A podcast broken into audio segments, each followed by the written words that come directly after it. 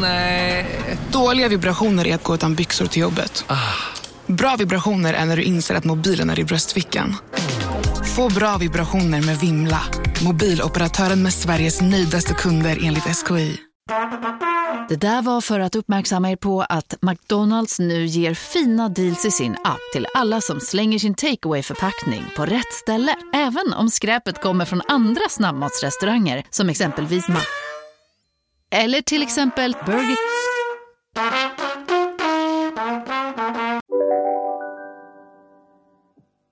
Hej och välkomna till podcasten Billgren Wood med mig Elsa Billgren. Och med mig Sofia Wood. Mm, och det här är ju vår trendspaningspodcast där vi pratar om saker som vi ser i våra sociala medieflöden, mm. saker som händer runt om i världen, också i våra egna huvuden Jajamän. och vårt liv. Mm. Idag ska vi prata om ett så här classic Billgren Wood-ämne. Ja. Vi ska grotta ner oss i det dukade bordet och Fredagsbuketten 4.0. Välkomna!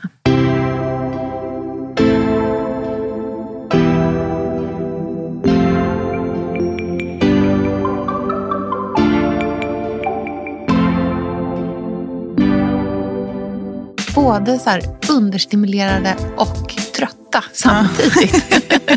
en så jobbig kombination. Mm. Nu känns det som att vasens tid är förbi. Mm. Man vill inte ens tänka på vasen. Nej, vasen är en icke-grej. Ja. Ja. Ärvda liksom, kristallglas. Det är fortfarande kaos då också. Men det är lite vackrare kaos. Men det är det jag tänkte vore kul att prata om idag. Mm.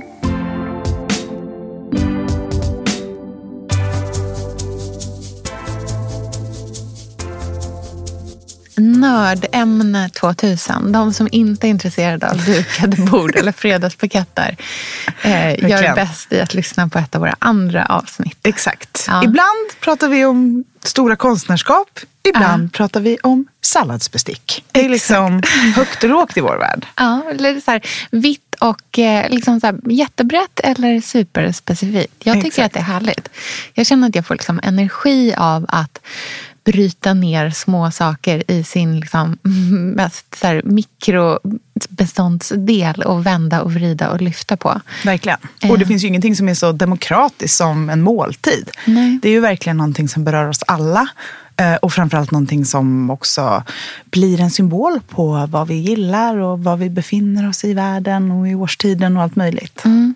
Jag, jag lägger otroligt stort liksom, värde vid måltiden som symbol. Inte bara vad den liksom innehåller i form av maten utan just eh, för mötet. Jag återkommer jätteofta till det, men så här, runt bordet var där vi umgicks i min familj när jag var liten. Eh, det var där vi pratade med varandra. Jag, jag, liksom, det är typ där alla mina så här, viktiga samtal har skett i livet. Har mm. skett över ett middagsbord. Eh, och måltiden och liksom de som har så påverkat den mest. Det som har, där de viktigaste sakerna har sagts. Mm. Och jag tror att det finns någonting att eh, gräva i där. Hur man kan skapa en miljö kring måltiden som främjar de där viktiga samtalen. Att man inte tänker att de bara är någonting som sker där av sig själva. Utan att man kan faktiskt få dem att ske genom att skapa en plats som man vill stanna kvar vid som Verkligen. fångar en. Liksom. För mig handlar det inte bara om det där vardagliga heller. Mm. När jag tänker på barndomsminnen kring bordet så var det, alltså mina föräldrar har aldrig tänkt på hur de ställer ner något i hela sitt liv. Mm. Inte heller vad det är i. Mina starkaste minnen från matbordet i min uppväxt är hur min syster, som älskade olika såser, soja och ketchup. Och när hon geggade ihop potatismoset med sojan och ketchupen uh. så tyckte alla att det var så äckligt så vi byggde som en vägg av mjölkpaket framför hennes sida av bordet. Okay. Jag har mycket sådana minnen, alltså knasminnen. Uh. Uh, inte så mycket estetiska, känslosamma utan det var bara vanligt familj, familjekaos, ja. så som det är. Men idag, i min egen familj och mitt eget liv, mm. så ser jag bordet som ett tillfälle att fantisera, planera, njuta. Sånt som jag vet att jag har ett stort behov av i livet. Mm. Tänka ut, mm, drömma om, göra skillnad på vardag och helg. Det är ett enkelt sätt för mig att att eh, få utlopp för de känslorna och tankarna. Mm. Plus att vårt matbord är liksom fem gånger fyra meter. Nej men det är enormt så det är också enda platsen som jag verkligen... Fem gånger fyra meter också. Det är, det är hela rummet. Det är hela rummet. Ja. Nej, men det är ett väldigt stort bord. Ja. Um, och det är verkligen en perfekt plats att eh, göra det vackert. Det är någonting man mm. tittar på hela tiden. Mm.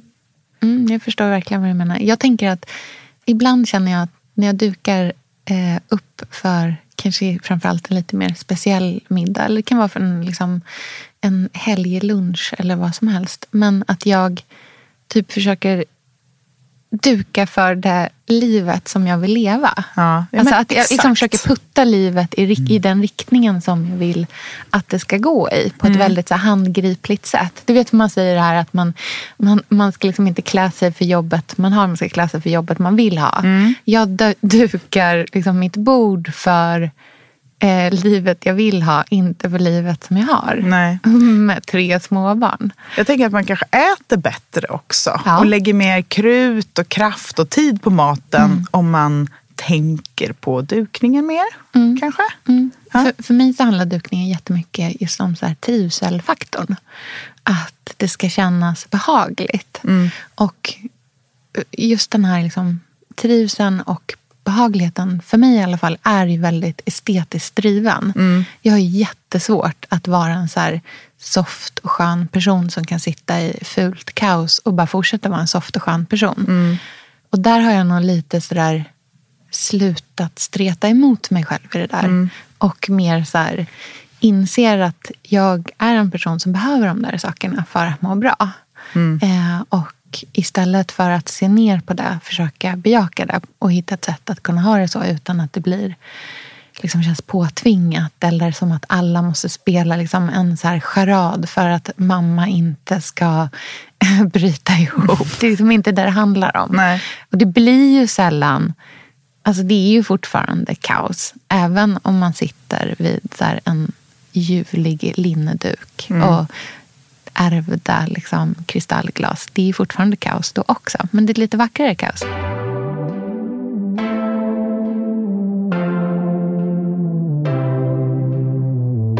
Men det är det jag tänkte vore kul att prata om idag. Mm. För jag börjar ändå se en, en liten förändring i konton jag följer, bilder jag likar. För jag, mm. blir, jag är lika inspirerad av ett dukat bord som jag är av en perfekt outfit. Um, ja, jag, jag, kan verkligen njuta av det. Jag kan se hur jag kan applicera det på mitt liv sen mm. och känna mig mer ja, men som det livet jag vill leva och mm. mer i harmoni med mitt psyke. Mm. Att det ytliga och det sinneliga på något sätt matchar mm. och går samma väg.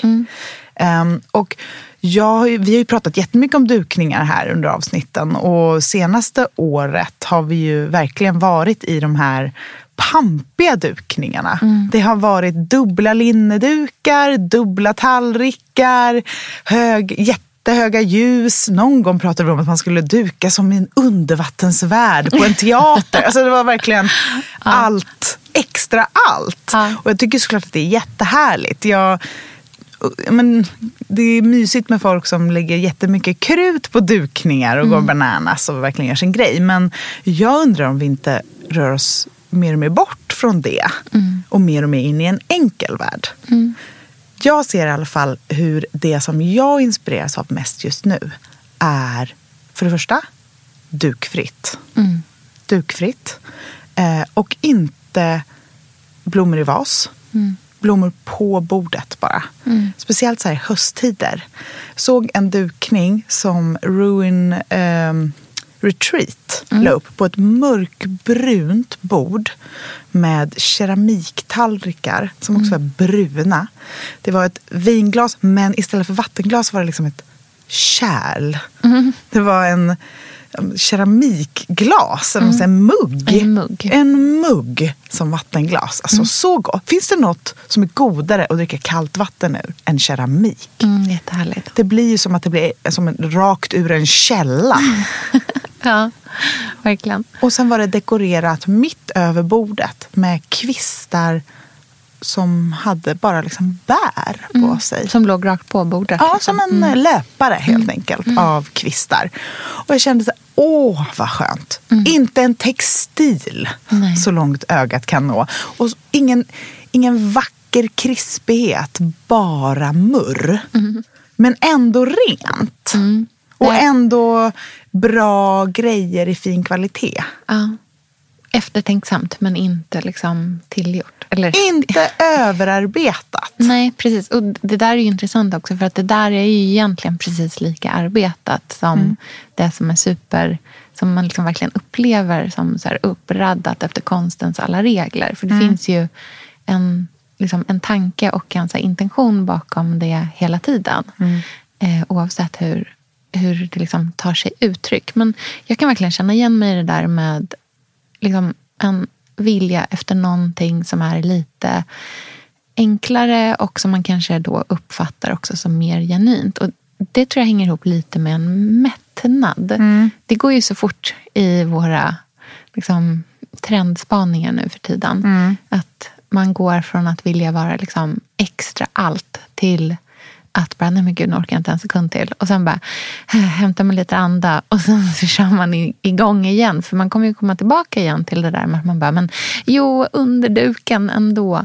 Men jag tror att för mig har jag nog börjat särskilja mina dukningar mycket mer, eller de jag inspireras av.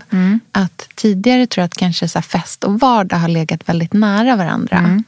Men nu börjar vardagen inte alls vara riktigt så festlig som den var tidigare. Den är inte riktigt lika liksom alla liksom full steam ahead som den Nej. var tidigare. Förstår du vad jag menar? Absolut. Och där tänker jag lite då den här Ruin Retreat-looken Mm. hänger ihop med det. Att kunna ha, ha en så här jättehärlig torsdagsmiddag. Eh, som är, liksom, det finns den där liksom, omsorgen kring. Men den kanske inte kräver smörtaxar. Mm. Jag tänker att det här med att ha bärkvistar på bordet, det är ju en full on helggrej. Jag tänker kanske snarare att istället för då loppisfyndat porslin eller vardagsporslin, att det är de här otroliga keramiktallrikarna. Att det är lyxen. Precis så som, jag blev så otroligt inspirerad när vi var hos Birgitta Watz. Ja. Den keramiken, konstnären, hon gör ju oerhört vackra tallrikar. Det är varje tallrik är ju ett konstverk. Men det ser ju inte pråligt ut. Det är ju inte som våra Royal Copenhagen full lace, liksom double trouble, extra allt, tre under grejer. Utan det är ju enkelheten i men det, det är, hon pratar ju hela, väldigt mycket om det här med kosmos och kaos också. Som jag är jätteinspirerad av. Och känner hur jag dras mer och mer åt eh, kaoset. Och, eh, men vill ha lugnet samtidigt. Och alla bilder på mat som jag pinnar och sånt. Det är väldigt enkla saker. Utan mycket dekor. Ja, och där om man liksom bara snabbt ska liksom flika in lite matspaning i det där också. Så tycker jag att man börjar se mer och mer så här riktiga maträtter. Ja, alltså som är så här, nej men typ, alltså rätter som är existerande rätt, alltså klassiker. typ. Att man gör en bœuf bourguignon eller en, en eh, eh, cacio e pepe efter liksom, konstens alla regler. Och Det behöver inte vara så liksom, komplicerat eller jätte... Det är ingenting som man slår knut på sig själv med. Men det är inte en, så här, en eh, take på någonting som känns eh, jätte så här, cross kitchen. Det här har du aldrig hört talas om tidigare. Nu Nej. ska du få prova någonting som är det konstigaste du ätit. Utan jag tror att vi liksom är på väg lite tillbaka till både till klassik, förenklade klassiker Ja. och verkligen den där enkelheten i att kunna göra saker och ting. Och inte sånt som bara är hopplockat från 50 olika inspirationsställen. Nej, jag tror att vi den här hösten och vintern kommer se mycket mer rätter som är en smak. Så här, saffransrisotto. Ja. Eh, jag blev jätteinspirerad av en rätt jag såg igår på Instagram som är bara skalade räkor och en klick aioli och grillat bröd. Den lunchen. Det, är som, det är räkor till lunch. Mm, men verkligen. Gröt, då är det liksom jättegod fast det är gröt. Ja, och så äter vi ju ofta till exempel på sommaren. Eh, för då äter man ju gärna så här, jordgubbar med mjölk. Alltså, du vet, såna, det är så råvarufokuserat för råvarorna inte kräver så mycket annat. Men jag tänker att vi tar med oss det in i hösten och i vintern också. Och att man, jag tror att vi kommer liksom stå och även folk i 20-årsåldern kommer stå och göra en Jansson i jul. Mm. Jag menar att verkligen så här, gå tillbaka till klassikerna. Och hitta den där liksom, lugnen, lugnet och enkelheten i det. Och det kan ju verkligen speglas i, i liksom, både i vad man lagar men hur man också presenterar det man lagar. Verkligen. Så här, en gryta med lite goda tillbehör bara. Mm, Men verkligen. det är verkligen så här, bara en gryta. Det behöver inte vara så mycket svårare än så. Det är ingen som kommer... Jag tror att vi är så både så här understimulerade och trötta samtidigt. det är en så jobbig kombination. Mm. Men man, vill, man letar efter trygghet och enkelhet samtidigt som man kanske bara vill, behöver liksom använda händerna lite grann. Ja. Och göra typ en tarte efter liksom Julia Childs recept. Så härligt. Olika sorters potatismos bara. Ja, Mos. Alltså vet du vad jag är sugen på igår? nej. Renskav, potatismos och, eller lingon. Du, vet du, vi var på Skansen typ förr, förra helgen. Ja. Eh, man kan ju få, sån, vad heter det, sovas. Just. Alltså, Selma har inte ätit så mycket i hela sitt liv. Som, alltså, hon åt en vuxen... Nej, men jag, till slut var vi så att nej, hon kan inte äta upp mer. För hon kommer, alltså, det kommer göra fysiskt ont på henne snart. Hon har hon inte uppfattat. Men alltså, då var det krossad typ mandelpotatis. Som var rörd med lite smör. Eh, så grillad älgskav. Gräddfil, hjortronsylt. Nej men. Nej men alltså Nej, hon åt persilja ja, runt ett, med ett eh, så här, tunt, vad heter det, så här mjukt bröd runt. Mm. Liksom, ett tunnbröd runt. Nej, alltså hon åt som en besatt människa. Hon satt som en fågelunge och bara gapade med munnen efter nästa gaffel. Så gott. ja, så himla gott.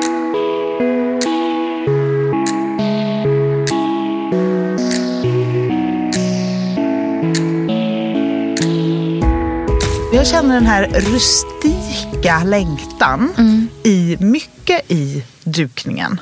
Jag vill inte ha så mycket sirliga glas, sirliga bestick. Jag tänker franska, rejäla, liksom, som går att skära i saker. Får jag ge ett, en, en loppisspaning som jag verkligen tror på också? Mm. Den liksom, typ krämvita tallriken, Ja. helt utan någon dekor Ja. alls. Alltså en gammal, typ så gammal benporslin. Ja. Det ska vara tjockt och rundade kanter. Jajamän. Tungt som satan. Alltså verkligen påminna liksom om mer keramik Mm. men i porslinsform. Med den här, liksom, de här rundade kanterna. Ofta har ju de heller inte, liksom, även när de är vita så är de inte kritvita. Nej. Utan de är lite så här gräddiga eller min favoritfärg smetana. så här doktorera i, i små saker. Men det är verkligen min absoluta favoritvit. det är så här, mjölkprodukt med 42 procent fetthalt. Ultimat färg. Underbart.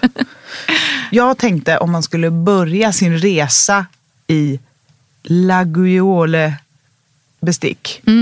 De är jättefina. Säger man så? Nej. Min franska is not so good. Vi får ta hit Gustav någon dag Exakt. lära oss. Laguiole. La, la, Det Laguiole. är de här som har ett handtag och så är det som två liksom, eh, skruvar på dem. Mm. de är, Det är- sjukt jag- fina. Klassiskt benvit 42-procentig Mm. keramik. Laguiole bestick. Bara en vikt. För det är klart man vill ha en härlig textil, alltså en, en eh, servett Mm. I tyg.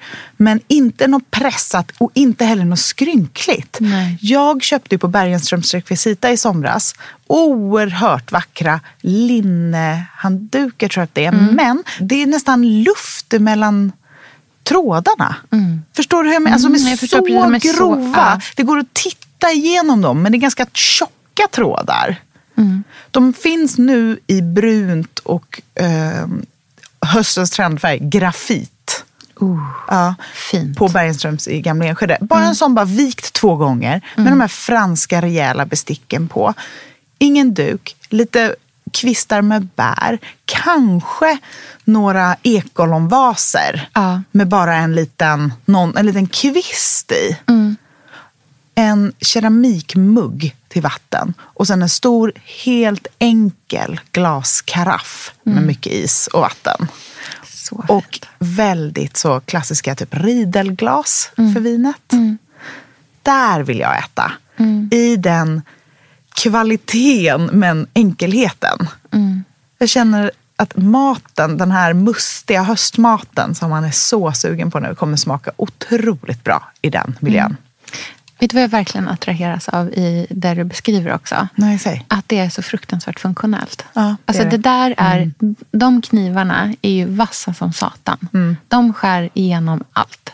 Det där porslinet som du beskriver, det gnisslar inte Nej. när man skär på det. Man kan stoppa det i diskmaskinen. Mm. Alltså det, den, det tycker jag också är en del av den här mättnaden kanske Mm. kring det som är väldigt teatraliskt. Mm. Är, jag, är så, alltså jag är så trött på så silverknivar som inte kan skära i maten. Mm. Eller så mycket som jag liksom tycker att mina så här ruska tallrikar är fina. Men jag står inte ut med ett enda gnissel till. Alltså Mm. gnisslar de en gång till, då åker de ut genom köksfönstret. Alltså jag orkar inte. Mm. Inte en sekund till. Jag vill bara ha liksom saker som funkar också. Som inte är bara fint på bilder. Liksom. Och det känns som när den här trenden att börja bry sig om sin dukning på ett avslappnat sätt. När hela så här, Ellos Home blev skrynkligt. När man började få upp ögonen för linnetyg. När allt det här började. Ost, man gjorde reklam för ost på skärbräd. och Att allt helt plötsligt skulle vara rustikt. Då var allt också fake. Ehm, och det är kanske där vi brukar börja. Samma sak som med industritrenden. Och allt. Man är så hetsig på det. Så man snabbproducerar också mycket saker som inte kanske på riktigt. För att man vill bara ha den där skärbrädan som ska se ut som att den är Gammal. gammal. eller, ja, men, och, Distressed. Ja. Distressed wood. Det värsta och, som finns. men- och nu är vi tillbaka. Eller man liksom vill fortfarande ha det där rustika. Men nu är det så här, nej, nu får jag väl lägga några hundringar på en tallrik. Så får jag ha få. Så får jag ha dem resten av livet. Och så får jag också ta det lugnt. Jag vill ha det riktiga. Mm, men det är ju också en- om någonting en trendspaning. Alltså hur vi har vänt oss otroligt mycket mot trender som går för fort. Eller att köpa sig in i en stil för enkelt. Utan nu ska det vara det här, du ska ha förtjänat. Ja. Du ska ha förtjänat det här. Det här är liksom, du ska jobba på det länge. Du ska ha tiden till att göra det. Och sen, men där kanske vi också behöver bara bli lite mer tillåtande med att man inte kommer kom, att man, man kommer kanske inte hitta rätt på direkten utan att det får vara lite så här work in progress.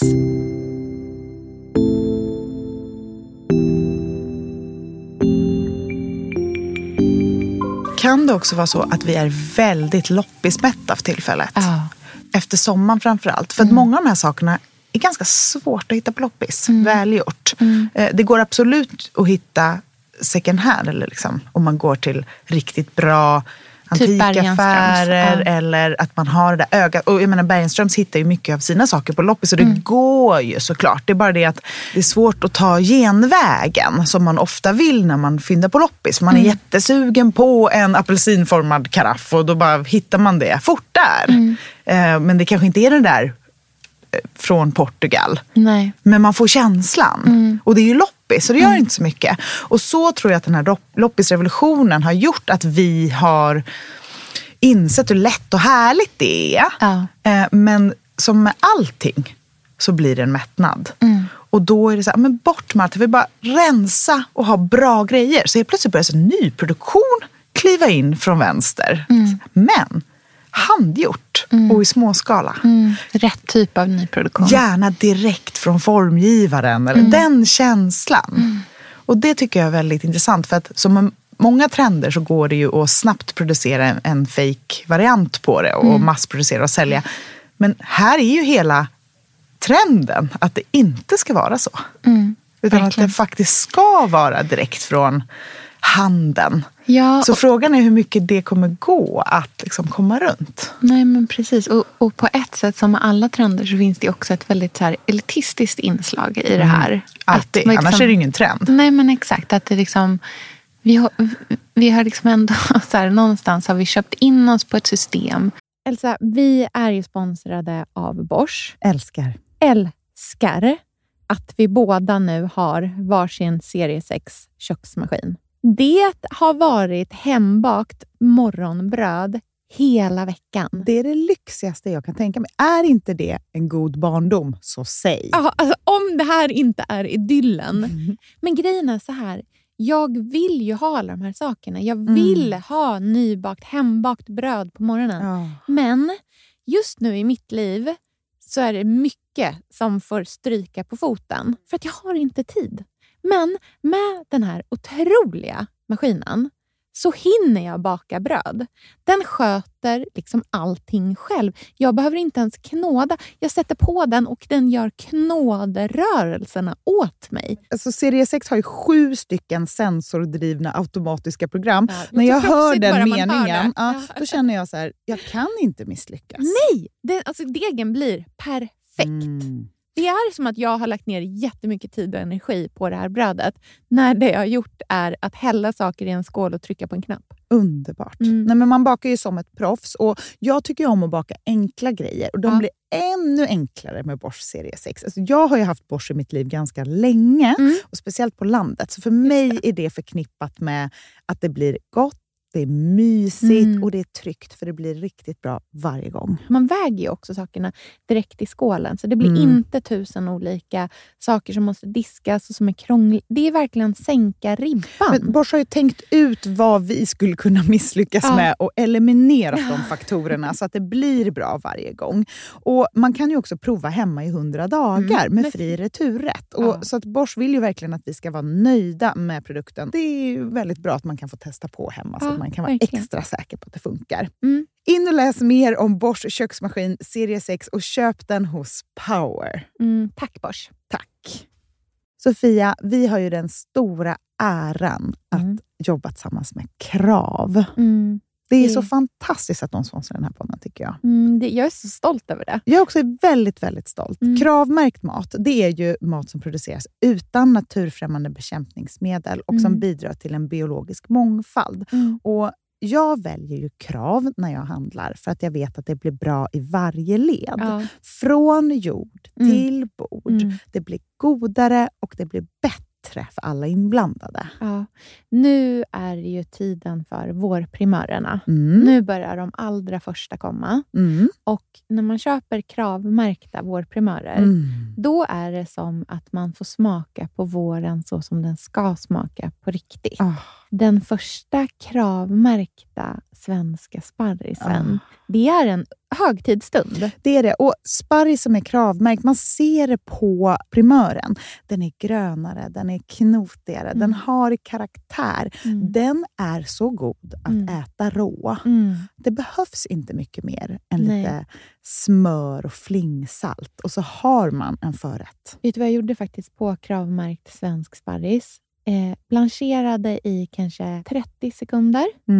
Mm. La sen rakt ner i ett isbad. Mm. Skivade jätte, jättetunna skivor. På med kravmärkt olivolja, Mm. flingsalt och ett kravmärkt pocherat ägg. Och tänkte verkligen, Ja, allting på den här tallriken mm. är kravmärkt. Allting smakar otroligt. Så Man- himla gott. Verkligen. Mm. Det finns så himla mycket gott som jag är sugen på. Och jag tänker verkligen att vi alla ska ställa krav i korgen jag när vi att det var handlar. så bra Mm. eh, sägning. För det är precis så som man ska tänka. Ställ krav i korgen. Tack snälla krav. Tack Krav. Sofia, den här veckan har vi ett jättefint och viktigt samarbete med Plan International, en Mm. av världens största och äldsta barnrättsorganisationer med verksamheter i över 80 länder. Mm. Och nu tänkte jag att jag ska berätta för alla, för dig och för alla som lyssnar här om eh, Asiato, som är 15 år gammal och kommer från Sierra Leone. Den här berättelsen visar också hur vi kan göra skillnad för flickor faktiskt. För trots mm. sin unga ålder så har Asiato redan upplevt väldigt mycket smärta. Hon har blivit utsatt för våldtäkter under hela sin barndom. Och eh, hon berättar att hon inte vågade säga någonting om de här övergreppen till någon. Och att hon därför inte hade någon runt sig som märkte något förrän hon blev gravid. 13 år gammal. Man är så liten mm. när man är 13. Mm. Kan du tänka... Alltså jag, nej, jag, det är svårt att mm. tänka sig att ett barn ska bli barn, mamma vid, i den mm. åldern. Men tack vare Plan International så har hon fått stöd och bearbeta allt det här fruktansvärda som hon har varit med om under så många år av hela sin barndom. Och nu mm. så är hon mer hoppfull inför framtiden igen. Ja, barn ska inte föda barn. Och vill du vara med och kämpa för att flickor som Asiato ska få en barndom fri från våld och sexuella övergrepp, bli flickafadder för 125 kronor i månaden hos Plan International på flickafadder.se. Eller om du hellre vill ge en engångsgåva så kan du swisha till nummer 900 14 70. Eh, alltså 900 900 14 70. Tack Plan International.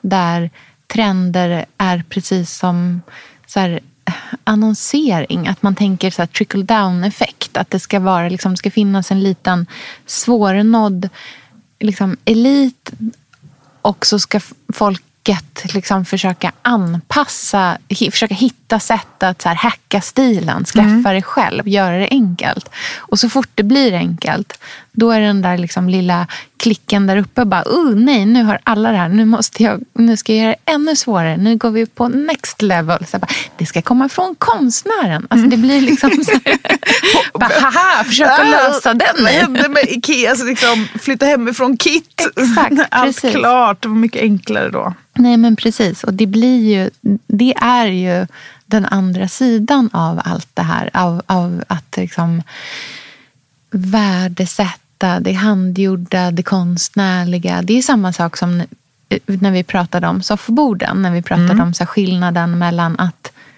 styla inspirerat av någon annans styling kontra styla inspirerat av när man läste på Konstfack 1963. Ja. Alltså du vet, den, så här, vad är ens referenser? Vart kommer ifrån? Och det, det är ju alltid det där svårtillgängliga som blir det finaste. För ja. att det är liksom själva grundessensen. Och så kan man välja om man vill köpa köpa det argumentet om man vill vara en del av den här liksom, cirkusen eller inte.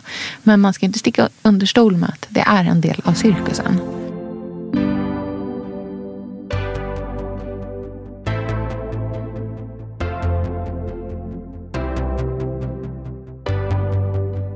En grej som jag tänkte vi kunde göra som jag tycker är spännande. Ja. Det är att jag har kikat lite på ditt Instagramkonto. För att du är ju en av dem som ja, men inspirerar mest till ja, men dukning och matupplägg och sådana saker. Ja. Och du har ju förändrat dig så otroligt mycket på bara ja. något år. Okay. Och det tycker jag skulle För jag vet att du analyserar inte dig själv överhuvudtaget. Eh, 100% ingenting. Nej, och därför tycker jag att vi ska göra det nu. Ja, för det är väldigt... Eh... Det här är alltså då live. Det här har vi inte pratat igenom tidigare. Nej, det här är väldigt nej, nej, spännande. Ja. Nej, men för om man tittar på dina senaste bilder mm. nu så är det ju väldigt mycket Alltså jag ser ju inte en enda tallrik Nej. med mat på. Nej. Det är bara uppläggningar. Det är bara stora fat mm. med allt på mm. som man ska ta av. Mm. Och det kan man ju grotta ner sig i och analysera om man vill. Mm. Det är väldigt intressant för då blir det, ju, det handlar mycket mer om om måltiden och gemenskapen ja. än om maten. Ja, verkligen. verkligen. Plus att en tallrik är ju ofta flera grejer. Ja. Att man liksom tar, ja, men man tar pasta, man tar lite sallad, man tar lite en sån. Mm. Och du vill på något sätt ha en renare, mm. ett renare uttryck. Mm, enklare. Det är färre ja. ingredienser i typ allting som jag gör också. Ja, men precis. Mm. Och scrollar man bakåt lite då. Ja. För det första så är det mycket mer inredning. Ja. I hela flödet? Ja, mm. alltså nu är det ju nästan bara mat. Mm. Lite inredning då och då. Men om man scrollar tillbaka så var det mycket mer eh, liksom, andra saker. Man märker att du har snöat in på mat. Och det är Ja. ju för att nu är du kokboksförfattare så det är inte så konstigt. Men det är väldigt intressant tycker jag för att det är Mm. också en helt annan färgton. Det är mycket kallare tidigare. Ja. Alltså, tidigare var det ju blått i ditt flöde och nu är det ju brunt. Beige, brun, Precis. varmgult. Liksom. Mm. Och mycket mer enkelt uttryck. Mm. Hur, om, och så, så, tidigare fotade du även saker från sidan. Ja. Det gör du ju inte nu. Det är Nej. bara ovanifrån. Ja, gud vad roligt. Alltså jag tänker ju eh, inte på... Liksom, det, här, är- det här är ju verkligen inte min styrka, att så se helheten när det kommer till mig själv. Eh, sen tycker jag att det är jättespännande att göra med andra, men jag är inte alls eh, eh, så duktig på att göra... Men gud, nu när jag är tillbaka här när vi bodde... Alltså nu är jag i 2018, när vi bodde på Handelsvägen. Det är ju jättelite mat. Det är ju så mycket bilder på inredning, så mycket bilder på mina barn. Mm, blommor. Det är också eh, mycket mer efterrätter och frukostar. Ja. Och nu är det bara Det är, nu är det liksom middagar. ja, middagar och pasta. Ja. Väldigt mycket. Det är intressant hur man... För det, ja, men, vad, undrar vad det beror på? Jag tänker, när jag tittar på mina bilder nu så upplever jag att mina bilder nu är mycket mer verkliga än vad de var tidigare. Tidigare var det mycket mer liksom drömskt på något sätt. Att det var som en, en stil. Medan nu är det mycket mindre fixat. Även om alltså så här, det är fortfarande fint och det är ju fixat på någon nivå. Men det är inte alls, liksom, alls på samma sätt. Och jag tror faktiskt att det dels handlar om att jag är liksom otroligt inspirerad av just mat just nu. Alltså verkligen av maten, maten och i- mindre av hur mitt vardagsrum ser ut eller sådär. Men det är också så här, jag lägger ju väldigt mycket mer krut på, eh, på maten än vad jag gjorde tidigare för att jag tar fram så sjukt mycket recept just nu. Alltså mängden recept som jag spottar ur mig på en vecka just nu är ju liksom diametralt skillnad från tidigare. Tror du att du kommer fortsätta på det sättet? Eller liksom gå vidare till något annat? Nej, jag tror att jag kommer gå vidare till någonting annat på sikt också. Men jag vet inte vad det är nu. Nej. Men jag känner att jag väldigt starkt vill liksom inte fastna. Jag vill Nej. vara en person som utvecklas. Eh, och jag tror ju till exempel inte... Om fem år så tror inte jag att jag är liksom influencer alls Nej. längre. Och varför är det? Nej, men för jag tror att jag behöver utvecklas som person hela tiden. För att liksom vara, alltså jag är jättesökande. Jag letar ju hela tiden efter vad som ska göra mig lycklig. Eh, och jag tror att jag mår bäst när jag ändras. Och det finns ganska många saker i det här influencerskapet som jag inte mår så bra av. Som jag har svårt att... Liksom, vi pratar jättemycket om det privat och du är min stora co- coach. Där. Jag är ju så härdad. Ja, men precis. Men jag tar ju allting personligt. Liksom. Och jag ser ju inte mig själv som en influencer. Utan jag ser ju bara att, så här, men gud, varför pratar ni med mig så här? Ja. Liksom, jag tar ju allt personligt. Men om man kommer tillbaka till maten lite grann så, där, så tror jag att den är... Dels att det liksom faktiskt verkligen är mer inspirerad av maten. Men att jag också är mer inspirerad av det som är här, det enklare, det som är mer äkta, det som är mer riktigt. Eh, och det är ju precis det vi pratar om i dukningen också. Det här, en enkel keramiktallrik istället för jättemycket. Liksom. Dekor. Ja, Men vet du vad det också är? Nej, vadå? Att förut så visade jag, om jag gjorde en, liksom en så fin helgfrukost, då tog jag alltid en bild på den och la ut den. Nu är det så mycket grejer som jag inte lägger ut eller tar bild på. Och hur får det dig att känna? Det får mig att känna mig eh, glad.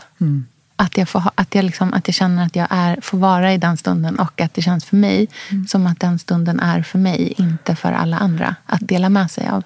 Det är faktiskt en av de sakerna som du har inspirerat mig mest till. Att- Vadå, att inte dela med sig? Ja. Ja. Och det har gjort mig till en bättre influencer.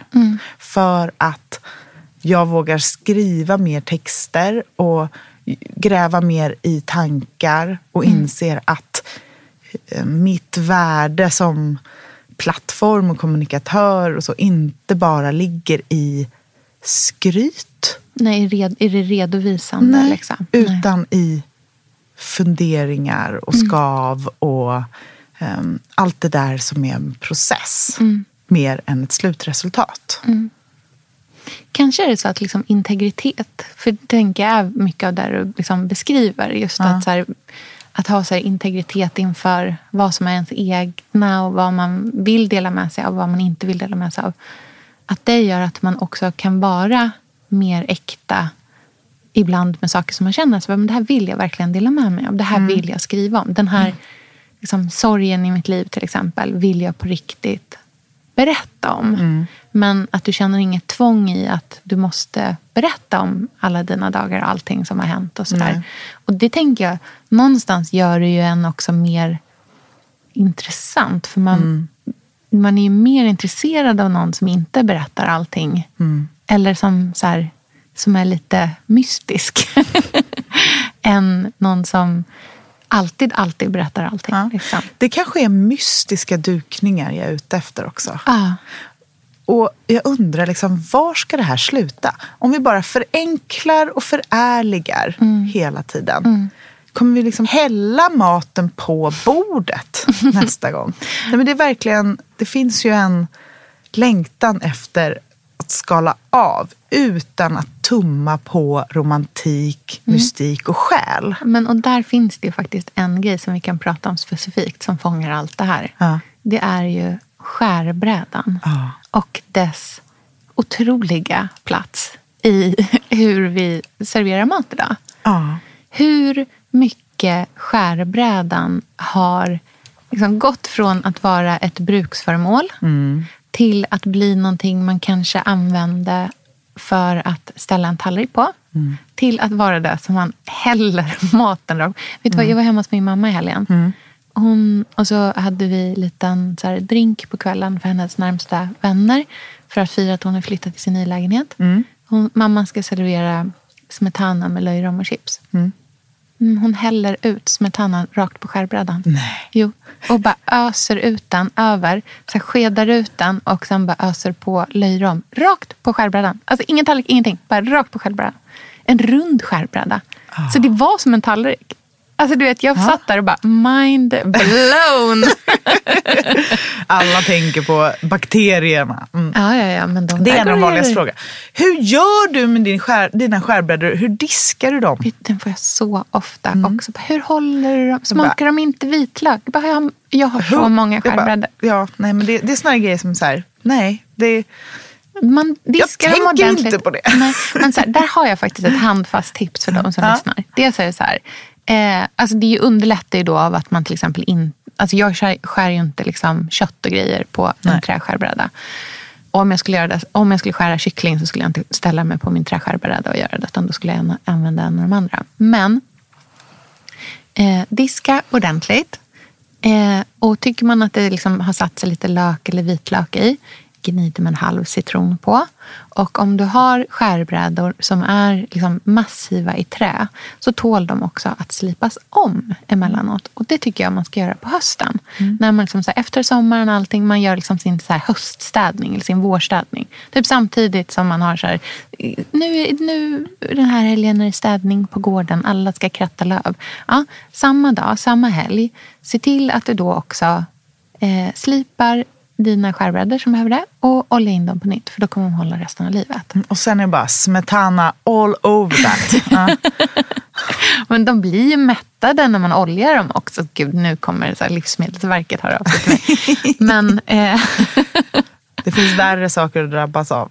Ja, verkligen. Lite skit som Nej, så är det inte. Men, eller, men, ehm, eh, nej, men skärbräda på bordet. Ja. Det... Har vi sett piken undrar jag? Alltså, jag tror inte att den är borta någon gång snart. Men jag tror att folk kommer sluta lägga en liten linneservett och sen ställa en tallrik på. Ja, för absolut. det känns för stylat ja. för våra liksom, ögon idag. Mm. Eller hur? Mm, det tror jag absolut. Men jag tror verkligen på att här, köpa skärbrädor som är så pass Eh, jag har en skärbräda som jag använde jättemycket tidigare. Som är en så här, toskansk skärbräda som är mörk, jättemörk. Den är otroligt grov. Så den skulle man in, typ inte kunna servera mat rakt på. För att det är så mycket liksom, sprickor och grejer så att allting skulle bara åka ner i den. Och den också så här, släpper ifrån sig trä. Den är en levande organism. Ja, den pulserar. Ja, men i princip. Det är ju verkligen en, så här, det, det är en en, ett underlägg mer än, än liksom en skärbräda. Man skulle inte kunna skära på den. Liksom. Men vi har också andra som är lite, lite, mer anpassade för att faktiskt servera ost på till exempel. Mm. Och de använder jag verkligen för att så här, de lägger jag upp allting rakt på och så skär man rakt ifrån dem. Ost, ostar, bröd, chips som vi alltid har, alla kex, allting. Ingenting läggs i skålar längre utan det är rakt ner där på. Och sen så, då eftersom jag inte är min mamma så brukar jag lägga typ röror och smetana och sånt lägger jag antingen i snäckskal eller i någon liten liksom, keramikskål eller på ett litet fat. Mm. Och det pratade vi om också, det här med faten. Mm istället för skålarna. Precis. En grej som jag är väldigt inspirerad av just nu mm. är att istället för en miljard små skålar och sånt till olika röror mm. och sallader och man klyftar upp en tomat och kör lite lök och sånt på. Mm. Att man faktiskt använder en vanlig djup tallrik istället. Mm. Med kant. Mm. Tycker det ser så trevligt ut. Mm. Det blir också en perfekt, eh, ett perfekt djup Mm. Saker blir ju godare om det läggs på fat än i en skål. Mm. För att smakerna och liksom såserna, olivoljan, citronen, vad det nu är man har lägger sig med jämnt. Ja, och inte bara som en soppa i botten. Nej, precis. Och det är ju den absoluta fördelen med det. Dels att man liksom får mer topping på mer av själva liksom såsen eller röran. Men en annan grej som jag också tänker på jättemycket är att nästan allting är ju godast att äta rumstempererat. Mm.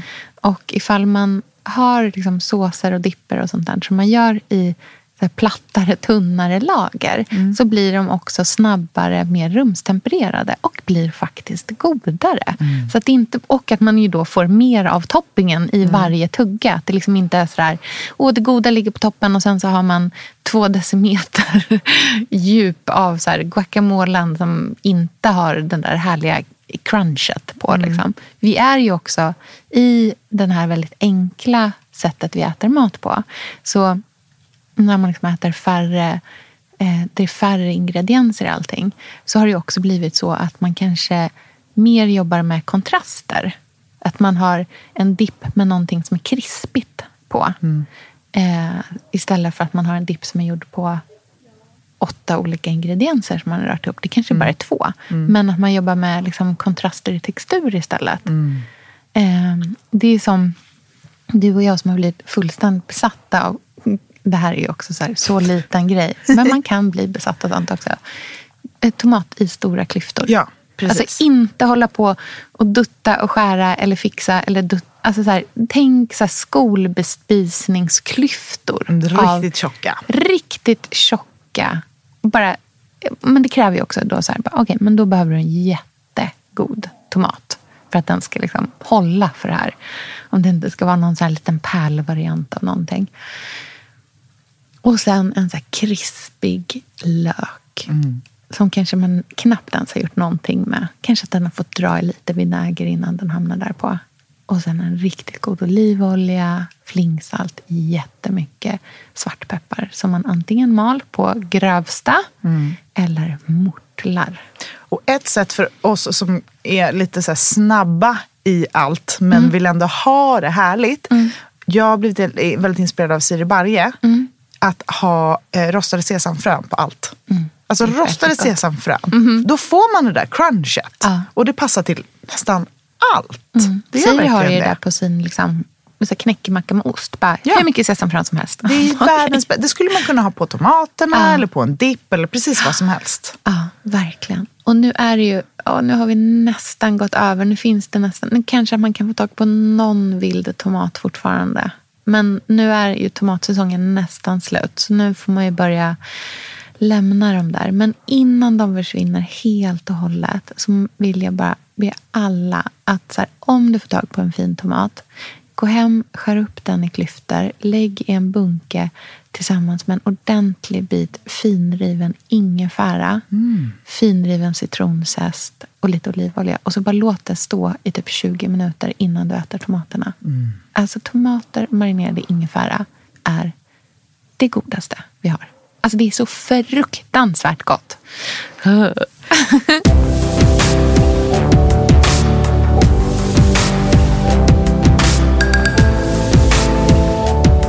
tappar bort oss helt i tid så mm. måste vi prata lite om blommorna. Ja.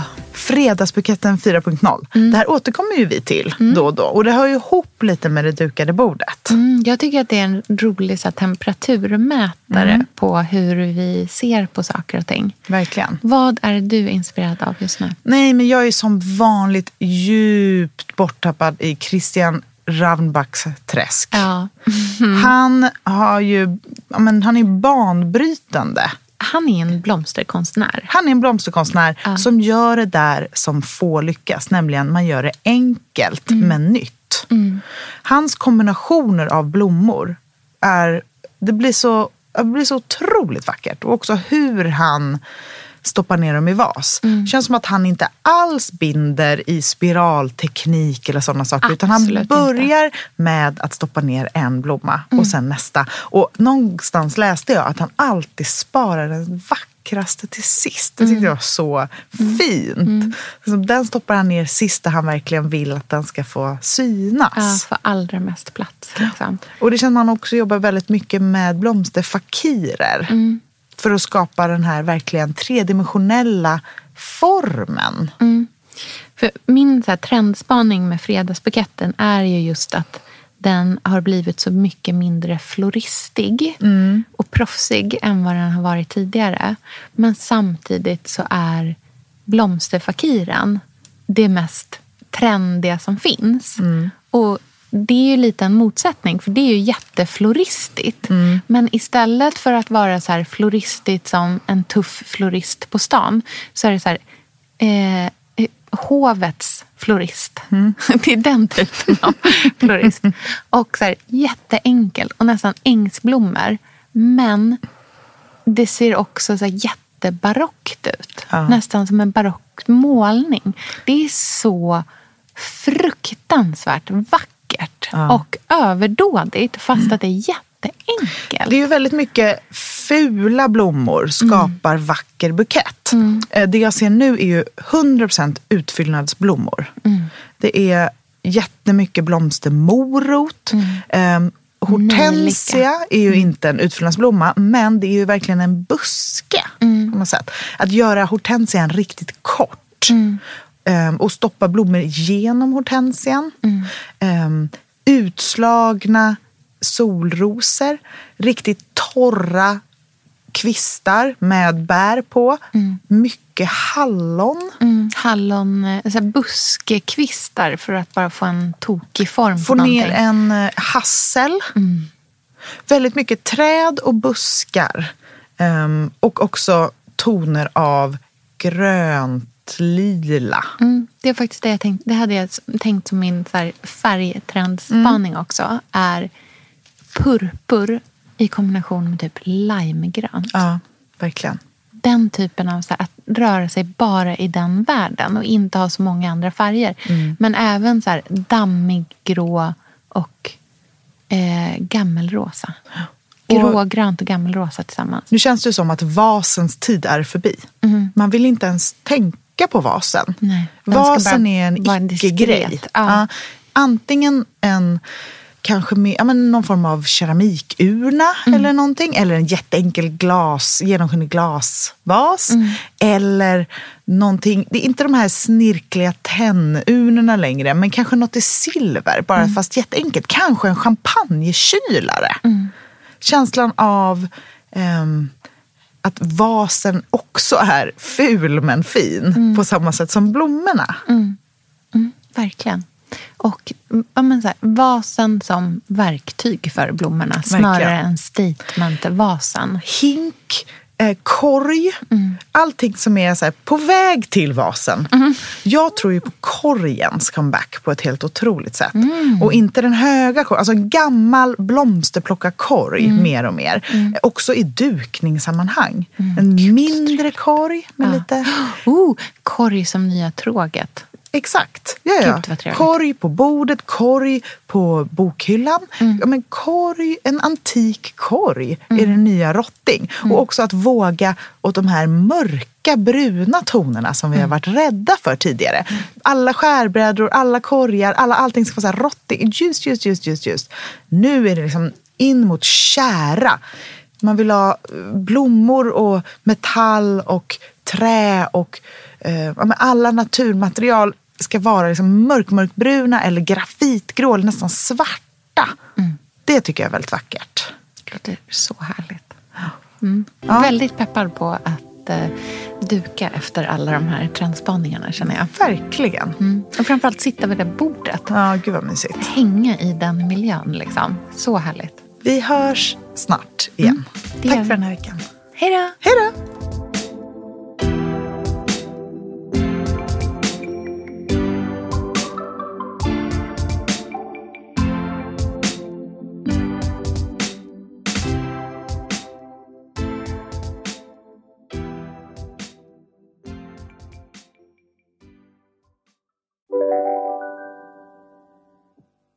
Lyssna på en ekonomistas podcast om du vill lära dig mer om pengar och hur pengar påverkar ditt mående. Med mig Pingis Och med mig Hanna. i samarbete med Nordax Bank.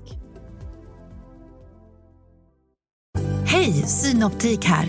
Visste du att solens UV-strålar kan vara skadliga och åldra dina ögon i förtid? Kom in till oss så hjälper vi dig att hitta rätt solglasögon som skyddar dina ögon. Välkommen till Synoptik. Hej, Synoptik här.